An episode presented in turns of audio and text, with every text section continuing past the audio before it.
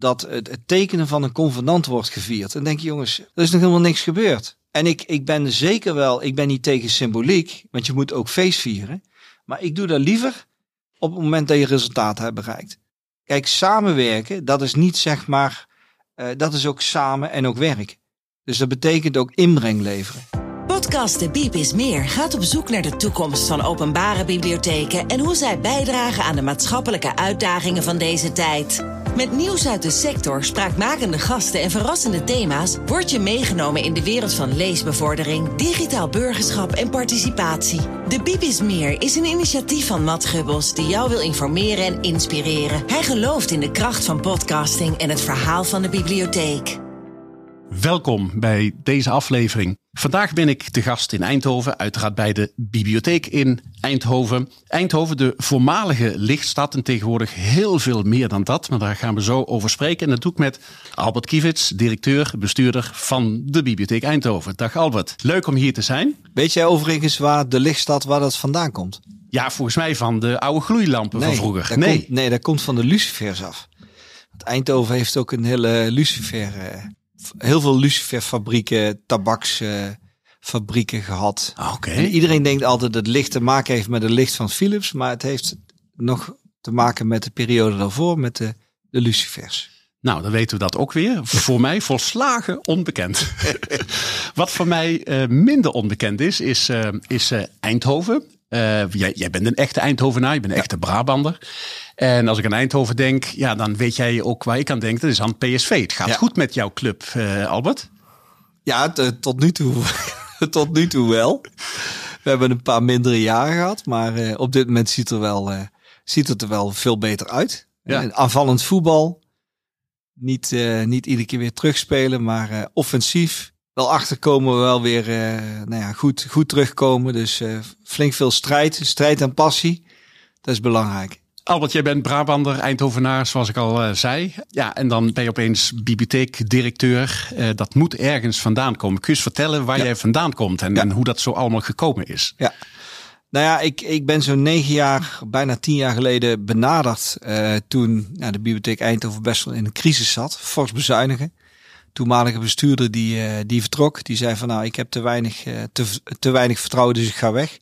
Toen ben ik benaderd en Um, nou, kijk, de, de, bibliotheek. Ik heb ten eerste heb ik bestuurskunde gedaan. Dus ik ben heel erg bezig met het publieke domein. En, en daarnaast heeft de bibliotheek ook in mijn leven heel veel uh, betekend. Ik kom uit een, nou, uit een ja, eenvoudige Brabantse familie. Grote familie. Mijn moeder was de jongste van de 16. Mijn vader de middelste van de 12. Zij hebben allebei lagere schoolopleiding gehad hebben mij altijd gesteund. En uh, nou, ik was een van de eer, ja, volgens mij de eerste die ook universiteit uh, ging doen. Maar de bibliotheek was zeg maar de plek waar ik mijn kennis vandaan haalde. Ik las alles.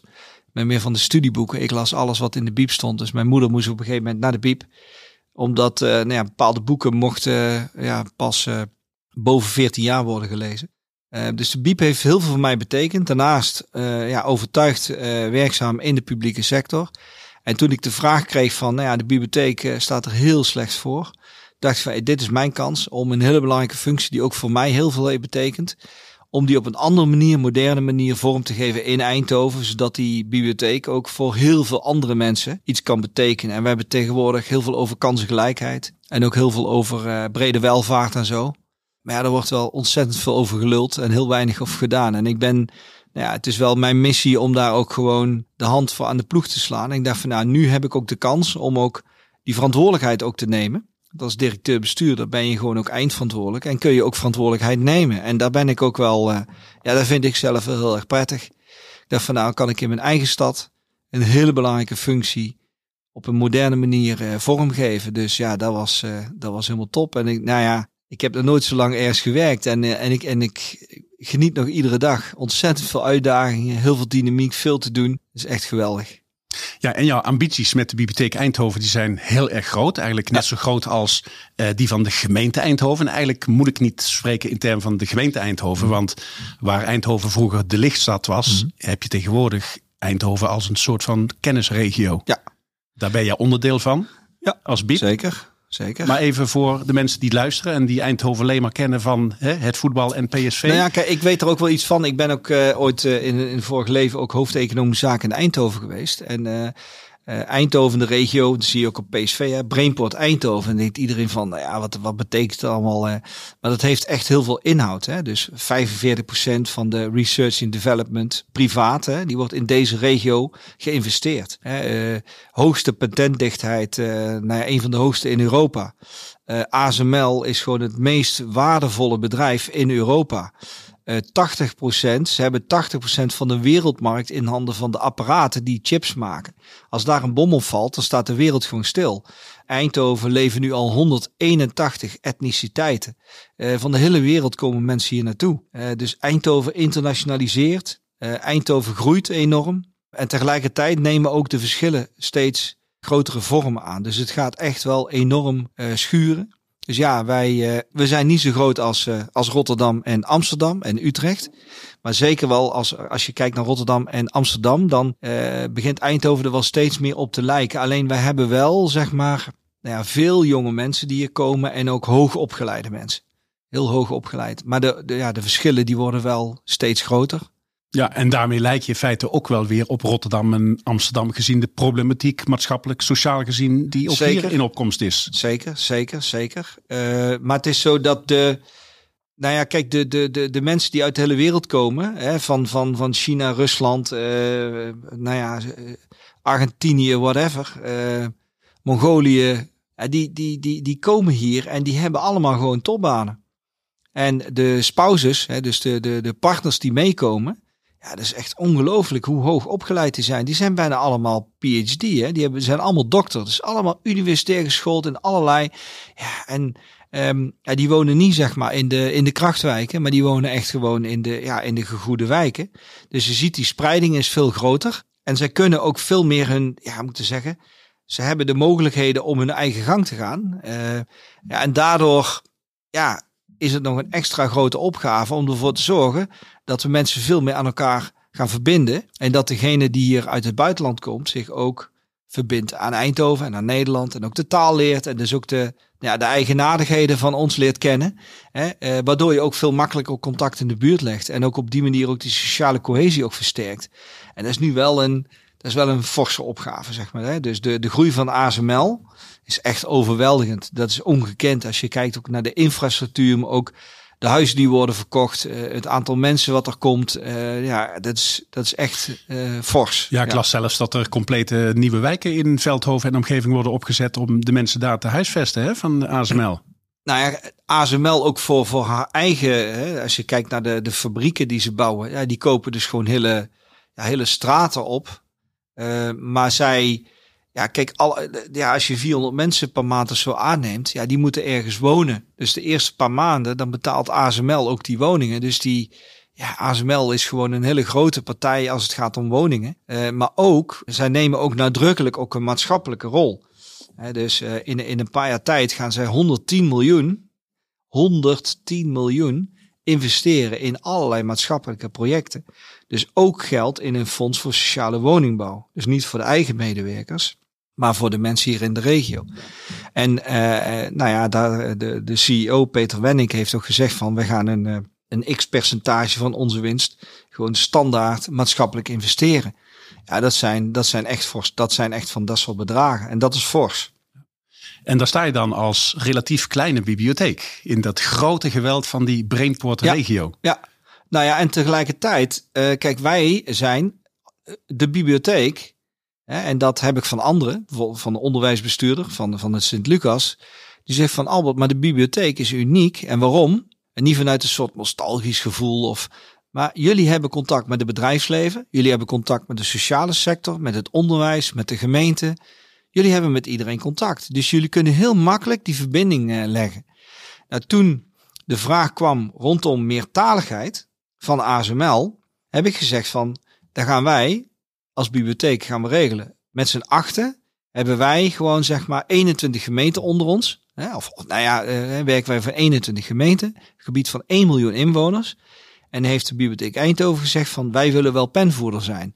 Ja, dat maakt het wel makkelijker voor zo'n bedrijf om op die manier zaken te doen. dus je moet ook, uh, als je samenwerkt met bedrijfsleven, moet je ook de taal ook begrijpen. Zij moeten ook begrijpen dat je in een publieke omgeving werkt en dat er ook weer andere krachten spelen, zeg maar. En dat de publieke opinie daar heel alert op is. En uh, dat je ook impact hebt. Hè? Dus als ASML ergens binnenkomt en iets doet, dan iedereen, nou, iedereen staat meteen helemaal klaar, zeg maar. Hè? Dus dat is wel. Maar ja, wij kunnen het regelen omdat wij niet één gemeente zijn van die 21. We zijn met z'n achten. Ja, en als Eindhoven wordt het wel, nou, dan wordt ook wel door de anderen ook wel geaccepteerd. Kunnen we ook dingen het voortouw nemen om het op die manier ook gewoon als contractpartner voor ASML te dienen. Ja, hebben ze maar één contractpartner, maar ze hebben meteen zeg maar een programma voor een gebied van een miljoen inwoners. Ja. Hoezeer heeft die, die Brainport-gedachte nou invloed, impact op jullie als bibliotheek? Nou, heel veel. Kijk, die Brainport-gedachte, dat gaat niet alleen over kennis en, en techniek en design.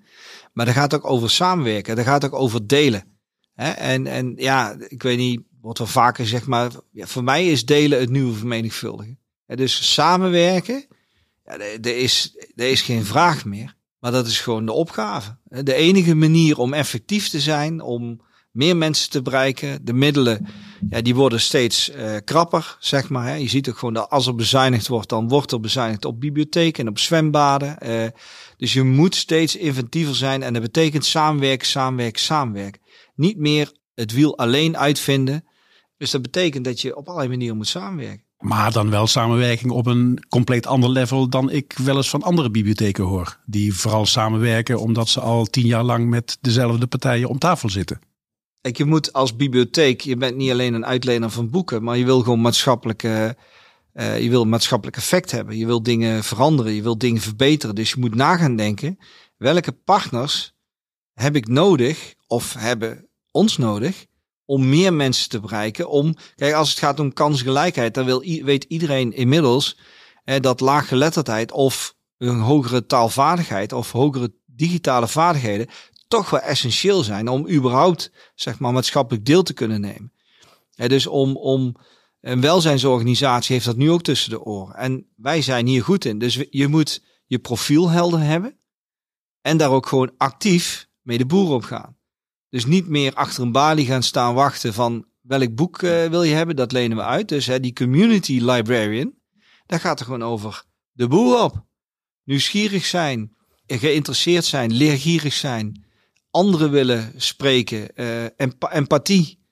Uh, je willen verdiepen in wat een ander allemaal kan en wat jij kan. Wij zijn wel, proberen wel, zo bewust mogelijk, die partners te kiezen. Maar ook partners te kiezen die ook bepaalde kennis hebben, die wij ook nodig hebben, die wij weer kunnen vertalen.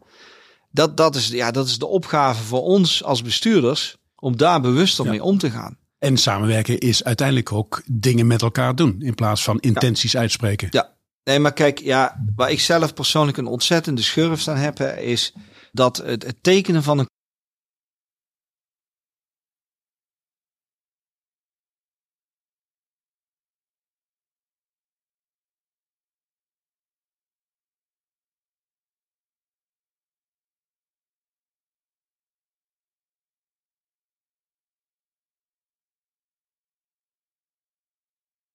convenant wordt gevierd. En denk je, jongens, er is nog helemaal niks gebeurd. En ik, ik ben zeker wel, ik ben niet tegen symboliek, want je moet ook feest vieren. Wat wil dat nou zeggen? Dat wil zeggen dat je ook gewoon uh, uh, dingen gewoon gaat uitproberen. Dus met die gebruiker, maar gewoon dingen gaat uitproberen. Je hebt bepaalde veronderstellingen en je gaat het gewoon uitproberen. Klopt dat of niet? Hè? Bijvoorbeeld één, hè, eh, een voorbeeld geven. Um, een, een, een, een boetes, hè? Die, die, die zorgen ervoor dat mensen hun boeken terugbrengen. Dat, dat is de veronderstelling. Nou, jaren geleden hebben wij onze abonnementstructuur uh, vereenvoudigd. En toen zei ik ook van ja, maar hoe zit het nou eigenlijk met die boetes? Hè? Nou, we begroten zoveel, we krijgen veel minder binnen. We hebben een hoop administratief gedoe, allemaal gedoe aan de balie. En ik zei nou, als we nou eens afschaffen. Ja, ja, ja, ja. En dan zou het wel zo kunnen zijn als een nieuwe abonnementenstructuur dat mensen afhaken en dat we minder inkomsten hebben. En het zou zomaar kunnen zijn dat mensen minder boeken terugbrengen. En nou, nou laten we het gewoon eens proberen. Nou, weet je wat het was? We hebben, we hebben onze abonnementstructuur vereenvoudigd. Het middelste uh, abonnement hebben we geloof ik een euro verhoogd. De conclusie van het verhaal, ook na een jaar, hè, want dan uh, updaten mensen weer een abonnement, is dat we meer inkomsten hadden dan voorheen ten opzichte van die boetes. En dat mensen gewoon net zoveel net zo weinig hun boeken te gewoon terugbrachten. En we hadden op een gegeven moment het duurste abonnement als onbeperkt lenen. Dus nou ja, die heb je dan drie. Nou, die kennen onze mensen. En dan zeggen nou meneer Jans, hartstikke leuk dat u ook een, uh, een eigen bibliotheek wil aanleggen. Maar kunt u van die honderd toch een paar terugbrengen, weet je wel? En zo, zo hè, dus die veronderstelling, daar gaat het dus om van, spreek je uh, veronderstellingen uit hè, en, en ga er gewoon eens mee aan de slag. En doe het ook met degene voor wie je het doet. En dan blijkt het ooit toch heel anders te liggen. Als we eens wat dieper ingaan op de samenwerkingsprojecten die jullie uh, in, in veelvoud hebben. Welke zou je dan kunnen noemen die zo ontzettend beeldbepalend zijn voor uh, het feit dat jullie ook onderdeel zijn van die, van die Brainport regio? zeg maar voorbeelden waar de innovatiebewijzen van, van afspat. Wat, wat, wat bijna niemand anders doet in Nederland. Nou ja, ik denk dat wij zijn al een paar jaar bezig met het project Bouwen de Bibliotheek van de Toekomst. Dat is eigenlijk de virtuele bibliotheek. Kijk, op dit moment is het zo, hè, dat eh, is, is de wet, hè, de WSB, daar staat dat de digitale bibliotheek is een verantwoordelijkheid voor de koninklijke bibliotheek. Maar een digitale bibliotheek is natuurlijk heel wat anders dan een virtuele bibliotheek. De, de auto, hè, de, T-Fort, is ooit gewoon een uh, ja, paard en wagen hè, met een motor erop en toen werd het een auto. Wat we nu hebben met e-books, hè, dat zijn gewoon boeken die gedigitaliseerd zijn. En, nou, daar is het dan. En we hebben natuurlijk veel meer functies. Um, de behoefte die we hebben is ook veel groter dan puur alleen maar te zenden door gewoon op een website. Nee, wij willen die interactie. Onze bibliotheken zijn ook, is niet alleen maar halen, maar is ook brengen. Dus we werken met heel veel ervaringsdeskundigen. Dat doen we niet alleen in fysiek, maar dat willen we digitaal ook. Dus wij hebben die, uh, nou, wij hebben landelijk ook de ambitie om van 4 miljoen leden naar 8 miljoen verbonden gebruikers te gaan. 4 miljoen leden, dat zijn nu 4 miljoen mensen die een boekenabonnement hebben. Nou, dat is hartstikke mooi, maar we doen veel meer. Er zitten ook heel veel mensen die, nou ja, die, die, die, die volgen workshops, lezingen. Uh, die maken gebruik van, uh, nou ja, van, van, van de werkplekken enzovoort. En wat wij willen met die virtuele bibliotheek is dat wij een een digitale verbinding aangaan. Eigenlijk met zoveel mogelijk inwoners. Ook mensen die hier in de BIEB studeren. Maar dat we daar gewoon een digitale verbinding mee aangaan. Dat betekent dat we de systemen hebben. Waarmee we met instemming van de, van de gebruiker ook gewoon een profiel opbouwen. Zeg van, oh, ben je geïnteresseerd in, uh, weet ik veel, tuinen? Binnenkort komt er een lezing, daar komt een boek uit. Hè? Dus, dus daar, uh, en ik, nou ja, wij zijn in ieder geval mening dat we dat, dat we dat niet als bibliotheek individueel, maar dat we dat echt op een hoger schaalniveau moeten gaan organiseren.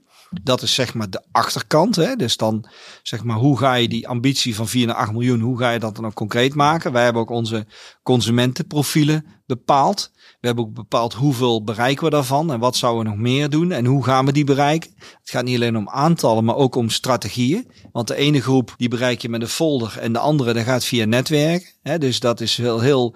Maar we, we hebben wel die ambitie om te kijken van hoe kunnen we ook systemen gaan bouwen waarmee we ook veel meer over die gebruiker te weten komen. En dan niet in commerciële zin, maar juist om ze beter te kunnen bedienen daar zijn we ook, maar dat is ook gewoon al werkende weg, gewoon een platform maken waar je gewoon, uh, waar je die interactie aangaat. Bijvoorbeeld met boeken. Wij hebben um, What's Next. Je kunt dan gewoon een boek uh, uh, scannen en dan krijg je gewoon een aantal suggesties. Met de virtuele bibliotheek hebben wij de doelgroep 15 tot 25 jaar genomen. En zijn we nu via pop-up, gewoon, we hebben ook heel veel informatie en kennis opgehaald van wat wat, wat gaat er nu om in jullie leven? Hè? Dus meer dan niet van wil je meer boeken lezen, maar wat gaat er om in jullie Wat, wat gebeurt er allemaal? En waar zou je hulp uh, bij nodig hebben? Uh, die vraag die gaan we dus ook beantwoorden met nog meer partners, want dat gaat verder dan de bibliotheek. Maar bijvoorbeeld met, met lezen, hè, dan zie je dus dat er een hele grote behoefte is. En we hebben dus nu ook digitaal een aantal zijn we een aantal experimenten met die doelgroep uit het voeren, dat ze uh, op een andere manier kunnen kiezen. Hè, bijvoorbeeld het lezen voor de school, voor de lijst. Hebben we dus een aantal met ChatGPT, uh, met nou ja, uh, op basis van likes van, van mede nou ja, generatiegenoten. Of, en dan kun je dus gewoon een digitale boekenplank gewoon in één keer krijgen met een QR-code. En er zijn nog veel meer mogelijkheden. Dat zijn we nu aan de. Nou, en het blijkt dus ook dat er hele grote behoefte is om ook fysiek bij elkaar te komen. Dus het, het is zowel digitaal als, als fysiek. Hè, want wij geloven echt in die combinatie. Hè, dus die scheiding van digitale bibliotheek of virtuele en fysieke bibliotheek. Hè, dat, uh, nou, die, die zit in die wet, hè, maar dat is gewoon echt een weeffout. Want dat moet gewoon met elkaar, nadrukkelijk met elkaar verbonden worden. En wij proberen dus het digitale been bij te sluiten. Dat gaan we ook met een digitaal IDO doen. Nou, op meer onderwerpen gaan we dat doen. En uh, nou, daarmee krijgen we dus ook een, een, een platform. Hè, waarbij je een, bijvoorbeeld een digitaal IDO.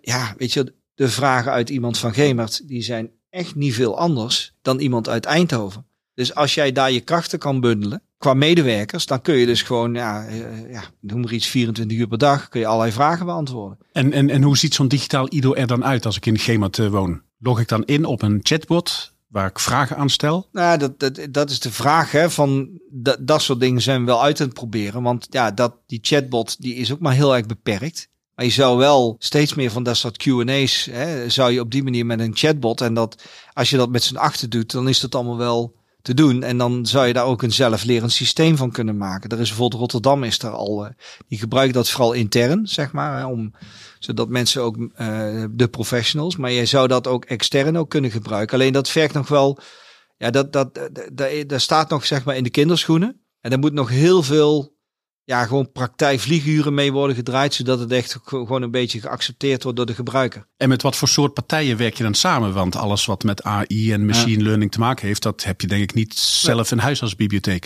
Ja, dus wij hebben een aantal uh, externe projectleiders. Die hebben heel veel vlieguren gedraaid in de zorgsector. Dus die hebben dat al heel vaak meegemaakt. Hè? Hoe, wat, wat werkt wel en wat werkt niet? Wat zijn de valkuilen? Wij hebben een strategische samenwerking met JATS in uh, Den Bosch. Hè? De, ja, de data science uh, universiteit, zullen we zeggen. nou, die hebben de kennis, maar die, daarnaast ook, ook, ook de doelgroep. Hè? Dus daar zijn ook ja, 25, 30-jarigen. iets, ietsje ouder dan onze doelgroep. Maar we hebben juist die doelgroep gekozen omdat nou, zij worden ook ouder hè, en nemen dat dan mee. Dus op die manier proberen we ons zeg maar voor te bereiden op de toekomst. Uh, wij werken samen met uh, Eindhoven Engine. Dat is een samenwerking tussen de TU en de Fontes. Dus we proberen op die manier ook onderzoeksinstituten, maar ook kennisinstituten in te zetten. Ja, en uh, ja, met ons, ons, ons daarin te, ja, ons verder te bekwamen en te leren. Ja. Ja, en daarmee ben je eigenlijk gewoon een volwaardig onderdeel van die Brainport-regio. Blijft daar toch op terugkomen. Kijk, en, wat er dan gebeurt is bijvoorbeeld, heel, heel concreet, is dat, uh, kijk, als je, als je uh, suggesties, hè, als je dat wil verbeteren, dan, dan wil je zoveel mogelijk data hebben. Dus wij hebben nu vragen gesteld aan de KB. Ja, oh, die vragen hebben we nog nooit gehad. Dat is een interessante. We hebben nu ook overleg met MBD Biblion, want die doen ook heel veel metadateren, waar wij ook per inwoner ook voor betalen. Maar ja, MBD Biblion neemt ook allerlei partijen over. Waar ze heel veel voor betaald hebben. En die zeggen, ja, maar ja, wij kunnen niet zomaar die data beschikbaar stellen. Dus dan worden hele interessante discussies. Van wie is nu eigenlijk die data? Ja, en vooral de metadata, hè? want dat, die zijn het meest interessant. Maar daar betalen wij dus heel veel aan. Ja, en, mijn, en mijn idee was al, en dat heb ik al eerder ook al gezegd tegen de KB. Eigenlijk moet je dat allemaal onder een publieke verantwoordelijkheid brengen. Hè, dan kun je zeggen, nou oké, okay, er moet eigenlijk meer geld uh, uitkomen. Hè, wat ook weer voor ons eigenlijk. Hè, maar ik heb ook wel eens gevraagd van wat kost het nou, wat levert het nou op? Hè? Nou, daar heb ik in vijf jaar tijd nog steeds geen antwoord op gekregen. Hè, dus uh, daar, daar heb ik, uh, nou ja, uiteindelijk bij de vorige bestuurder van, uh, van de MBD Biblion wel 25% korting gekregen op die, op die de bedrag per inwoner. Maar hoe dat nou precies zit, dat is nog steeds heel erg warrig. En nu, en met zo'n virtuele bibliotheek, worden de, de vragen heel concreet. En dan zeg je, oh, hey, maar wij kunnen niet verder. Maar wij betalen er wel een mee. Hoe kan dat dan? Ja, nee, maar. Ja, en diezelfde NBD Bibion is natuurlijk heer en meester aan het worden op het gebied van AI. Hè? Gezien de 700 recensenten die vorig jaar buiten de deur zijn eh, gezet. Ook, ook zij maken die stap om AI in, in te zetten voor ja, eigenlijk het efficiënter maken van hun eigen bedrijfsvoering. Ja, dat, dat, dat begrijp ik. Ja. Dat, dat, dat begrijp ik wel. Alleen, ja, ik ben altijd gewoon voor een hele duidelijke rol en positie. En nou ja, de, de, de bibliotheeksector, maar dat is mijn persoonlijke mening, is er niet altijd even scherp in. Dus ik heb ook altijd vraagtekens gezet. Waarom moeten wij commissarissen of raad, leden van de Raad van Toezicht van MBD Biblion benoemen? Het is gewoon een stichting natuurlijk, hè, maar het is, gewoon, het is gewoon een bedrijf. Waarom? Ja, maar die werken voor de sector. Ja, maar oké, dat gaat over boeken, maar moeten wij dan ook in, uh, weet ik veel wat, uh, partijen die op, op digitaal gebied bezig zijn, moeten wij daar ook uh, dus ja, we hebben meer functies dan alleen dat. En ik denk altijd van ja, je moet helder zijn in wat je bent. Ben je een leverancier? Hè? Of, of, of, of ben je een uh, onderdeel van een soort van coöperatie of zo? Of mede? Of ik ben wel voor helderheid van, van rollen. Ja, en ik denk dat waar we 15 jaar geleden aan het op boksen waren tegen hè, de Googles van deze wereld, Ja. heb je denk ik op dit moment een ultieme gelegenheid door de stand der techniek om aan te haken hè, met al die moderne ontwikkelingen. Ja. Ja. En dus moet je krachten gaan bundelen. En dus hè, zeg jij als Bibliotheek Eindhoven, ja. samenwerking moet eigenlijk in het DNA van de bibliotheek zitten. Ja. Ja, en ik wil er nog een stap verder in gaan. Hè, want eh, we hebben toen eh, voor de eh, bouwende bibliotheek van de toekomst, hè, slash virtuele bibliotheek, hebben we uit de eerste regio-deal 500.000 euro gekregen om dat te kunnen pakken, om dat te kunnen ontwikkelen. Hè, eh, het college van, van Eindhoven heeft mij gevraagd of ik samen met mijn collega's een plan wilde maken voor de krachtenbundeling van de acht bibliotheken. En dat bouwt hier eigenlijk op voort. Dat gaat zowel op programmering als op IT als op data. En nou ja, dat is wel heel erg spannend. Ook het ministerie OCMW is er ook van de hoogte en die zijn er erg van geporteerd. Ik zou heel graag, zeg maar, op regionaal niveau een soort datacenter krijgen. Waar wij ook gewoon nou ja, en meester zijn over die data. En op die manier ook gewoon onze inwoners in die regio ook veel beter kunnen bedienen. Ander voorbeeld van wat ik een aansprekend project Ja. vind, dat is het Expat Center. Heel logisch, hè, gezien alle internationals die hier rondlopen in en rondom eh, Eindhoven. Wat, wat doen jullie voor die mensen, voor die doelgroep? Nou ja, wij werken heel nauw samen met het Expat Center. De expats die hier komen, die komen uit, ja, uit, alle, uit allerlei landen. Hè? Eh, uit India, uit Rusland of Amerika, whatever. En de gedachte, men denkt altijd van, ah, die zijn hier een paar maanden per jaar, maar dat is dus niet zo. Die blijven hangen. Ja, die blijven echt gewoon hangen. En kinderen worden geboren en die denken van, nou, het is hier veilig, het is hier schoon, eh, ik wil hier gewoon blijven. Eh, maar ze hebben wel heel veel behoefte aan informatie. Ze hebben heel veel behoefte aan informatie. Hoe zit de gezondheidszorg in elkaar? Hoe zit het onderwijs in elkaar? Eh, nou ja, met je huis, allerlei regels, met de gemeente enzovoort.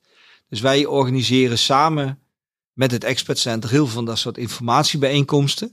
Wij gaan dan nog een stap verder. Hè. We hebben samen ook met de City Marketing Organisatie, Expert Center en de bibliotheek hebben we ook een concept ontwikkeld, Hotspot. En dat is eigenlijk een bundeling van functies, ook gewoon fysiek in de stad, waar, ja, waar eigenlijk de klantreis eigenlijk begint. Voor iedere Eindhovenaar. En ik zeg altijd maar de 1 minuut Eindhovenaar of de al heel zijn leven Eindhovenaar. Maar Eindhovenaar ben je eigenlijk al als je meteen in Eindhoven woont. Nou, en wij hebben dat, dat initiatief van ja, we moeten eigenlijk veel, al die, al die, al die groepen, al die, al die achtergronden veel dichter bij elkaar gaan brengen.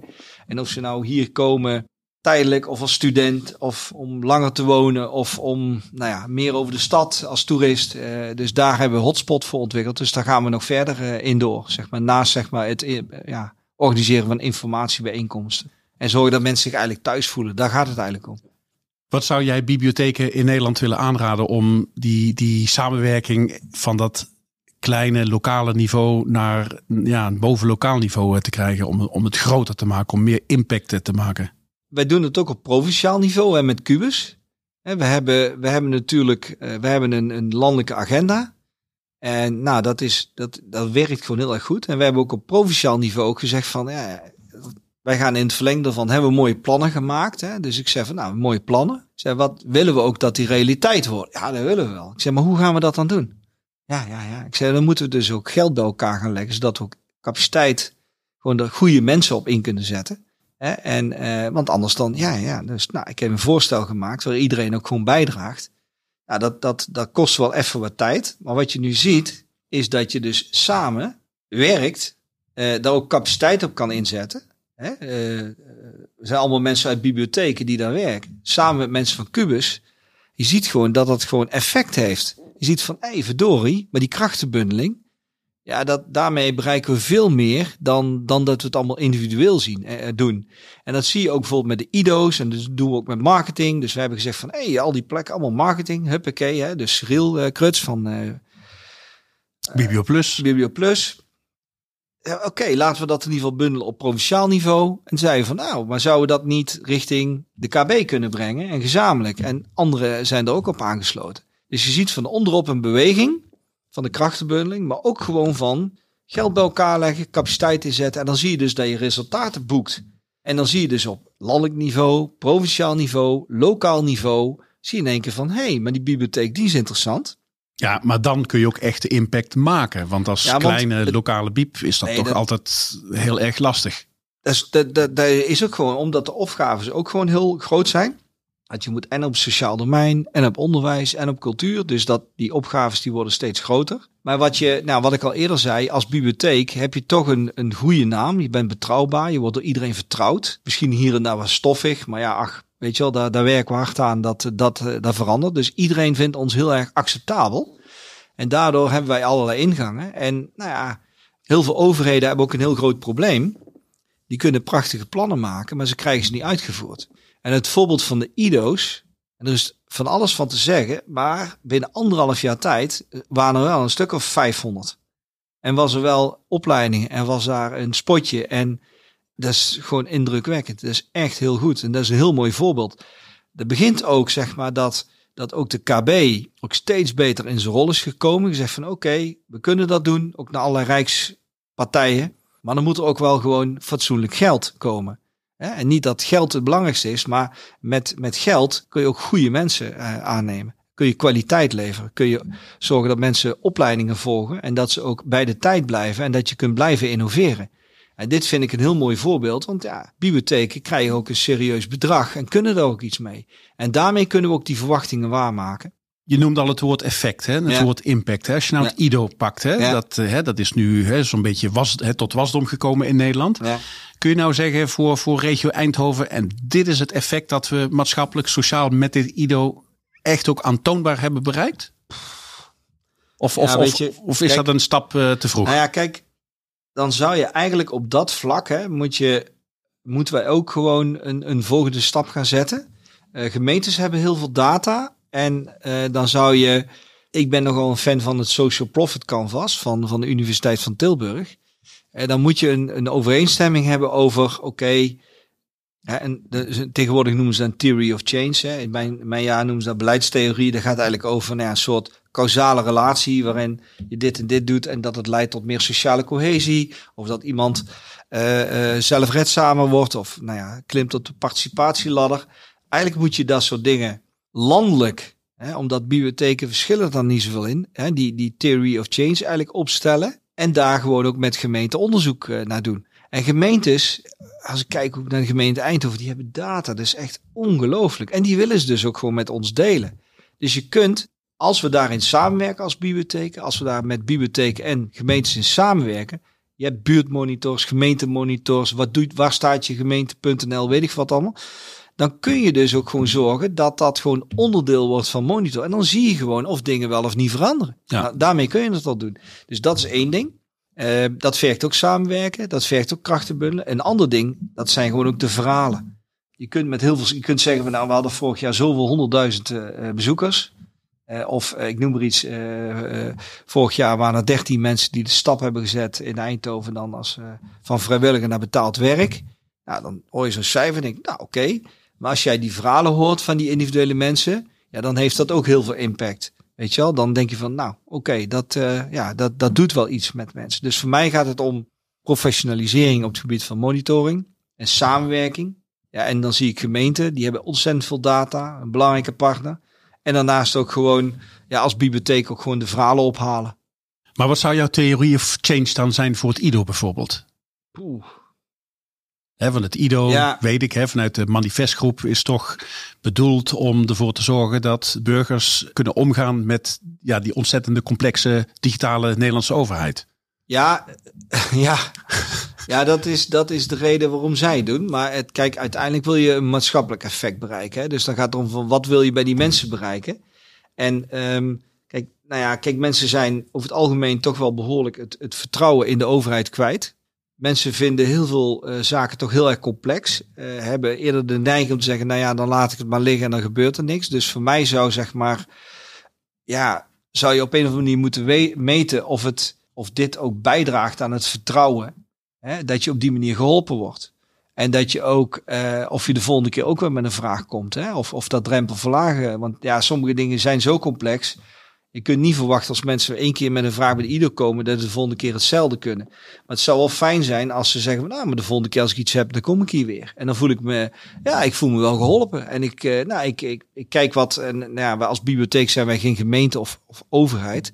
Maar dat in ieder geval het vertrouwen in die overheid en in nou ja, de dienstverlening in het algemeen, dat die, dat die, dat die wel, uh, dat die toeneemt. Ik denk dat het twee belangrijke dingen zijn. Nou, en andersom zou je kunnen zeggen, nou iemand is tien keer geweest, bij de elfde keer komt hij niet meer, want ik heb de biep niet meer nodig. Ik ben echt geholpen. Ja, is, is het vraagstuk opgelost? Dat kan ook, hè? Ben je echt geholpen? Maar ik probeer ook, ik, ik probeer ook een niveautje hoger van, nou ja, weet je wel, het vertrouwen. Hè, er zijn toch, uh, nou ja, de, onderzoeken die aantonen dat 20% van Nederland toch afgehaakt is. Hè? En, en uh, eigen informatiekanalen heeft enzovoort enzovoort. Dus ja, ik, ik heb ook een beetje het idealisme in me van, nou ja, op die manier zouden we, zonder dat je alle intakes moet en allerlei nou ja, stigma's en etiketten op je voorhoofd krijgt, dat je gewoon geholpen wordt. En dat er misschien wel het vertrouwen in nou ja, de samenleving, de overheid, uh, misschien wel, uh, nou ja, dat die toeneemt. Laaggeletterdheid is natuurlijk ook een groot thema. Hè? -hmm. Al is het maar uh, ja, omdat de problematiek eigenlijk alleen maar steeds groter wordt. Maar door de komst van die vele internationals heb je eigenlijk een andere dynamiek rondom laaggeletterdheid. Want die mensen, ja. zeker zij die blijven hangen, die, die willen ook de Nederlandse taal leren. Mm -hmm.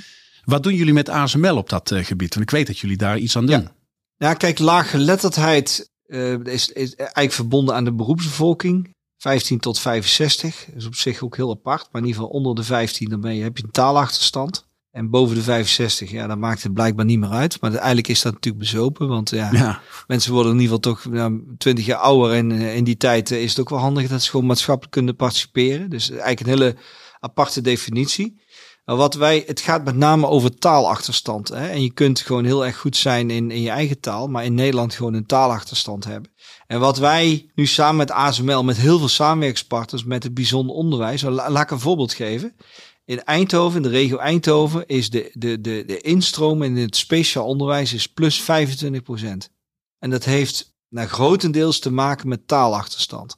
Dus heel veel kinderen die gaan busjes in en die gaan naar het speciaal onderwijs. Ja, die horen daar helemaal niet thuis. Gigantische aantallen. Die moeten gewoon, ja, en het geld wordt ponsponsgewijs verdeeld. Dus dat is een financieel uh, vraagstuk. Maar ook, ja, ook een maatschappelijk vraagstuk. Die kinderen, ja, je kunt veel beter gewoon in je eigen, hè, dat is ook met gehandicapte kinderen. Ja, die worden in busjes weggereden. Maar eigenlijk is het veel fijner om gewoon in je eigen buurt en wijk naar de school te gaan. Ja, omdat je daar ook gewoon kan afspreken en, uh, hè, enzovoort. Dus die instroom heeft heel erg te maken met taalachterstand. Wij hebben met z'n allen gezegd, wij omarmen meertaligheid. Er zijn kinderen die hebben Nederland niet als eerste taal, niet als tweede taal, niet als derde taal, maar als vierde taal. En dan is de vraag van, ja, wat, wat moet je kiezen? Maar ook op school, ja, wat, ja, wat, wat moet je er nou doen?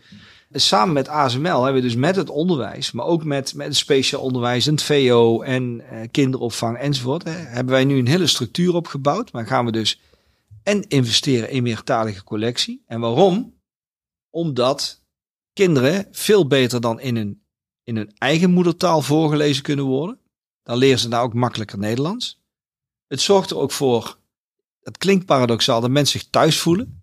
Hè, want mensen willen hier, maar willen ook dat hun kinderen ook gewoon nou, kunnen praten met hun, met, hun, met hun grootouders. En wij, ook met de Kempel, dus de HBO, hè, Universiteit Nijmegen, hebben dus echt een expertgroep. En daar gaan we de komende jaren aan werken. Collectie, inhoudelijke deskundigheid, opleidingen. Dus mensen van onderwijs en bibliotheken, die gaan gezamenlijk naar opleidingen. Maar ook community librarians, die ook die verbinding gaan leggen en gaan kijken van hoe kunnen wij op die manier ook eh, die ouders activeren. En via die weg willen we ook nadrukkelijk ook veel meer het Nederlands, zeg maar, aan de orde brengen. En kijken hoe we, hoe we uh, meer internationals ook het Nederlands kunnen laten spreken. Want het is ook, heel veel internationals willen dat.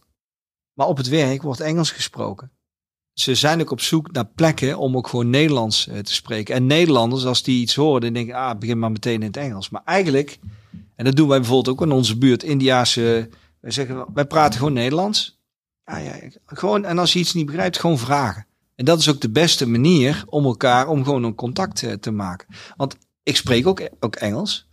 Maar ik ga in mijn buurt, ga ik niet iedere dag alleen maar Engels praten. Dan denk ik, ja, ik woon toch gewoon in Nederland en in Eindhoven. Op een gegeven moment, weet je wel. Dus om die verbinding te maken, is het heel erg inzetten op die meertalige collectie. Ouders dan mee bereiken, mensen thuis laten voelen. Vooral ook werken aan het taalgevoel. En in die samenwerking gaan we dus ook kijken van wat kunnen wij doen voor die kinderen die nu naar het speciaal onderwijs, die moeten gewoon naar het reguliere en kunnen onze mediacoaches en kunnen anderen daar ondersteuning bij bieden, zodat ze wel gewoon naar die buurtschool kunnen. Mooi hoor. Een grootste biep vanwege de grootste uitdagingen, zou ik Ja. bijna zeggen. Ja, Maar jullie durven dat gewoon ook uit te spreken. Dat jullie groots gewoon de zaken willen aanpakken. ja. Ja, het is, ja, kijk, hetzelfde als met laaggeletterdheid. Ik, heb, ik stoor me er al jaren aan eh, dat die doelstellingen daar op dat gebied gewoon zo laag zijn. En dan vraag ik van, ja, hoe kan dat? Ja, het moet wel reëel zijn. Ik zeg, wat bedoel je nou met reëel? Wat En- bedoel je nou met reëel? Dus je gaat gewoon kijken, ja, we hebben maar zoveel geld. Ja, dan, dan, maar, dan nee, je moet, je moet aangeven hoe groot de problematiek is. Hè, dat, doen, dat doen wij ook. Hè. We willen eigenlijk, of ja, niet problematiek, maar van 4 miljoen eh, abonnees naar 8 miljoen gebruikers. En waarom? We hebben dat bewust gedaan. Vanuit een aantal bibliotheken hebben we dat gepusht. Waarom? Omdat die 8 miljoen, daar ga je niet meer met foldertjes. Dus dan moet je op een andere manier gaan denken aan gaan werken. Dat werkt dus hele andere manieren. Heel anders. En dat is ook met die aanpak van laaggeletterdheid. Ja, ik merkte gewoon jaren geleden in Eindhoven, dat is gewoon een industrie. En het is gewoon echt schandalig hoe weinig er eigenlijk voor elkaar wordt gebokst voor die laaggeletterden. Het is één grote PR-campagne. Ik stoor me daar mateloos aan. Ik vind het echt gewoon af en toe gênant. Ja, want we struikelen over de leesinitiatieven bij wijze van in Nederland. Ja, nou, nou ja, kijk wat er dan gebeurt. Hè. Dan, eh, dan wordt er een, een, een, weet je, dan wordt er weer een convenant en een leescoalitie. En, en, nou, en dan denk ik van ja, het is leuk dat iemand er roept. Maar ja, ik, ik ga toch ook niet heel de dag lo- lopen roepen dat een ander van alles moet doen. Dan denk ik van ja, hoezo? Maar als je dat dan wil, eh, kom dan met geld, kom dan met ideeën. Dan denk ik ook van ja, maar ja, wat, wat denken die mensen? Denken ze dan van ik ben goed bezig, ik heb, wat heb ik dan gedaan? Dan heb je alleen maar, alleen maar foldertjes gedrukt of Stichting Lezen Schrijven, die huurde dan de Efteling af. Ik denk, ja, gewoon gênant. Maar jij durft dit wel heel stellig te zeggen hier aan te zeggen. Ik heb het ook bij VNG-bijeenkomsten gezegd. Ja, ik zeg gewoon hoe ik erover denk. Denk van, nou ja, kom op. Het is, het is gewoon schandalig weinig hoe we... En dan gaan we het op landelijk niveau nog allemaal, ook nog helemaal verdelen. En dan, nou, ja, Stichting Lezen Schrijven heeft al minder geld gekregen. Maar dat ging alleen maar naar consultants en adviseurs. En denk van, wij hebben een hele uitvoeringsorganisatie, hè, maar ook met vrijwilligers enzovoort. We zouden er veel meer mee kunnen doen. Ja, ik eh, vind het echt ongelooflijk. Nee, maar dan snap ik dus ook, en ik denk dat dat de les is voor Bibliotheek Middend Nederland, dat dus samenwerking op een hoger niveau, opschalen, dat dat eigenlijk gewoon datgene is wat we moeten doen met elkaar. Ja, maar Om- ook, om- ook tegelijkertijd ook zakelijk kijken van oké, maar weet je, hoeveel, hoeveel kost dat nou per persoon? Is dat nou wel reëel? En, en, en wij zetten en professionals in, maar ook heel veel vrijwilligers. En die vrijwilligers die zijn niet alleen, niet alleen maar omdat dat goedkoper is. Nee, omdat die ook gewoon de verbinding maken met de mensen in de buurten en de wijken. En dat je op die manier ook veel, veel beter verankerd bent maatschappelijk. Dat is gewoon heel belangrijk. En nou ja, weet je wel, al die, ja, dan gaat het alleen maar over de leefwereld en de systeemwereld. Dus iedereen praat er vooral over. Er is ook al heel veel over, over kansenongelijkheid. Ik ben laatst namens de bibliotheken naar een landelijke bijeenkomst in Utrecht geweest van de PO-raad. Dat ging over het leesonderwijs. En toen werd daar, ehm, wij waren, ook Stichting Lezen was daar uitgenodigd. Stichting Lezen, daar ben ik echt een fan van. Want die doen heel veel onderzoek. Wat werkt wel en wat werkt niet. En die schakelen dus POI's in om het vervolgens met de lokale bibliotheek om het handen en voeten te geven. Dus dat is gewoon een hele slimme manier, vind ik, van werken. Maar we waren daar, PO-raad, dat ging dan over leesonderwijs. Nou, en dan kreeg je dus een hele discussie tussen een docent die zegt van ja, het begrijpen het lezen, hoe dat is vormgegeven, is crimineel. Want kinderen leren er helemaal niks en daardoor, en, en ik, ik denk ook dat dat waar is. En die kregen een fitty met het ministerie en de inspectie. En ik was daar om aan te geven dat wij, ik dacht van nou, ik kom daar en ik wil gaan vertellen hoe wij het Brabant Leesoffensief, hoe we dat met de, hoe heet het, OMO, eh, de grootste scholenkoepel van VO-scholen, hoe we dat hebben opgepakt en hoe we dat allemaal, hè, gewoon. Nou, En ik zei ook van, eh, waarom zijn hier geen kinderopvang, het gewoon het onderwijs, was alleen maar slachtofferrol, alleen maar met elkaar. Ik ben ook op een gegeven moment afgetaaid. Kreeg weer een uitnodiging, zei, ik ga daar gewoon niet naartoe. Weet je, al dat met elkaar en elkaar gaan bestoken. En dan denk je van jongens, kom op. Weet je al, waarvoor doen we het? En als die scholen dan vinden dat het crimineel is, stop dan ermee. Kijk, en dat is het grote voordeel van bibliotheken. Wij hebben geen last van regels. Nee, en zo sprak ik een tijd geleden ook in het kader van deze podcast iemand van eh, de VNG. En die zei, ja, wij kunnen wel heel veel geld en mensen hè, investeren om tot een kenniscentrum te komen hè, voor taalhuizen. Maar hij zegt, het is dweilen met de kraan open, want die laaggeletterden, die blijven komen. Dus we moeten het bij de wortel eigenlijk aanpakken. Eigenlijk al heel erg vroeg, hè, wanneer uh, ja, die kids op eh, de wereld komen. Ja, al die, uh, die expertisecentra, ja Kijk, je moet wel, je moet wel kennis hebben. Hè? Bijvoorbeeld zo'n stichting Lezen, ja, die doen veel onderzoek. Ja, en uit dat onderzoek komt wel, werkt het wel of werkt het niet. Langzaam afrondend. Ja. Een grootste bibliotheek met grootste doelstellingen, werkend aan grootste maatschappelijke uitdagingen. Wat voor positiefs kun je nog aan, aan jouw collega bibliotheken meegeven? Nou, ik zeg altijd maar, uh, je moet jezelf niet uh, groter maken dan noodzakelijk, maar ook niet kleiner maken. Ik heb ervaren in, in Eindhoven, waarin we echt uh, negen jaar geleden echt gewoon in de shit zaten, dat als je met elkaar echt de schouders eronder zet en dus ook die, die een gezamenlijke toekomstvisie opstelt, en dat is eigenlijk gewoon een gezamenlijk verhaal hè, en, en, en een gezamenlijke, gezamenlijke richting, dat als iedereen ook zijn energie op eenzelfde richting uitzet en je houdt dat een paar jaar vol, dan, dan gaat de stad dat merken. He, dus uh, ook al ben je, nou ja, wij waren dan met 45 FTE, inmiddels zijn we veel meer gegroeid dan krijg je op een gegeven moment terug van, oh, ja, jullie doen wel heel veel gave dingen. Jullie zijn echt wel niet meer. Uh, dus hou vol, blijf positief en maak iedere medewerker erop attent dat hij of zij een ambassadeur is. En dus ook collega's van mij zeggen, ja, maar ik ken niet zoveel mensen en moet ik het wel op een feestje vertellen? Ja, doen. Echt doen.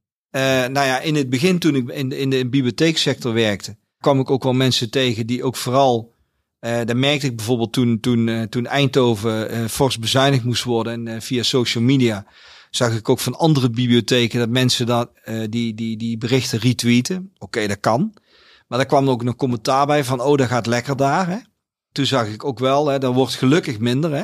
Dat er ook wel collega's zijn die het ook wel, die ook wel een beetje, zeg maar, ja, zich prettig voelen als het met een ander slecht gaat. En ja, dat, dat, dat, vind ik wel ontzettend sneu. Ik heb die mensen opgebeld en gevraagd van, uh, kunnen we het er eens over hebben?